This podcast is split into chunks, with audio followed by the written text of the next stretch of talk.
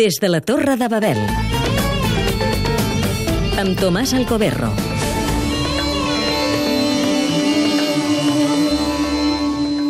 Xipre tan a prop i tan lluny. A tan sols una mitja hora de vol des de Beirut o Tel Aviv, és l'illa mediterrània que està entre Europa i aquestes costes de l'Orient Mitjà. La seva catastròfica crisi financera ha sorprès els habitants d'aquesta banda del Mediterrani, àrabs, turcs i radians. Xipre s'havia convertit per molta d'aquesta gent en un paradís des de molts punts de vista, per la seva situació geogràfica, pel seu tarannà i estil de vida lliure, fàcil, democràtica, desperta atracció e interès.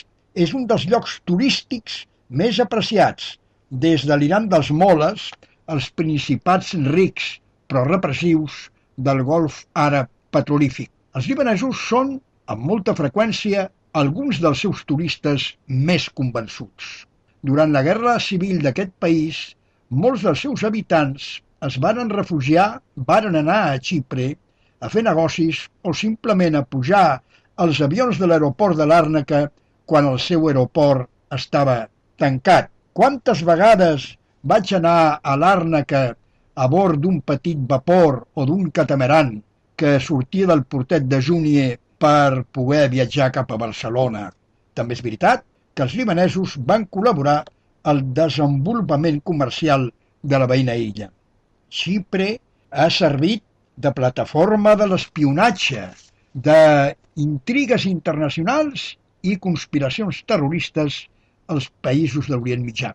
L'arribada dels russos amb els capitals per blanquejar els seus bancs es va produir després de l'enfonsament de la Unió Soviètica.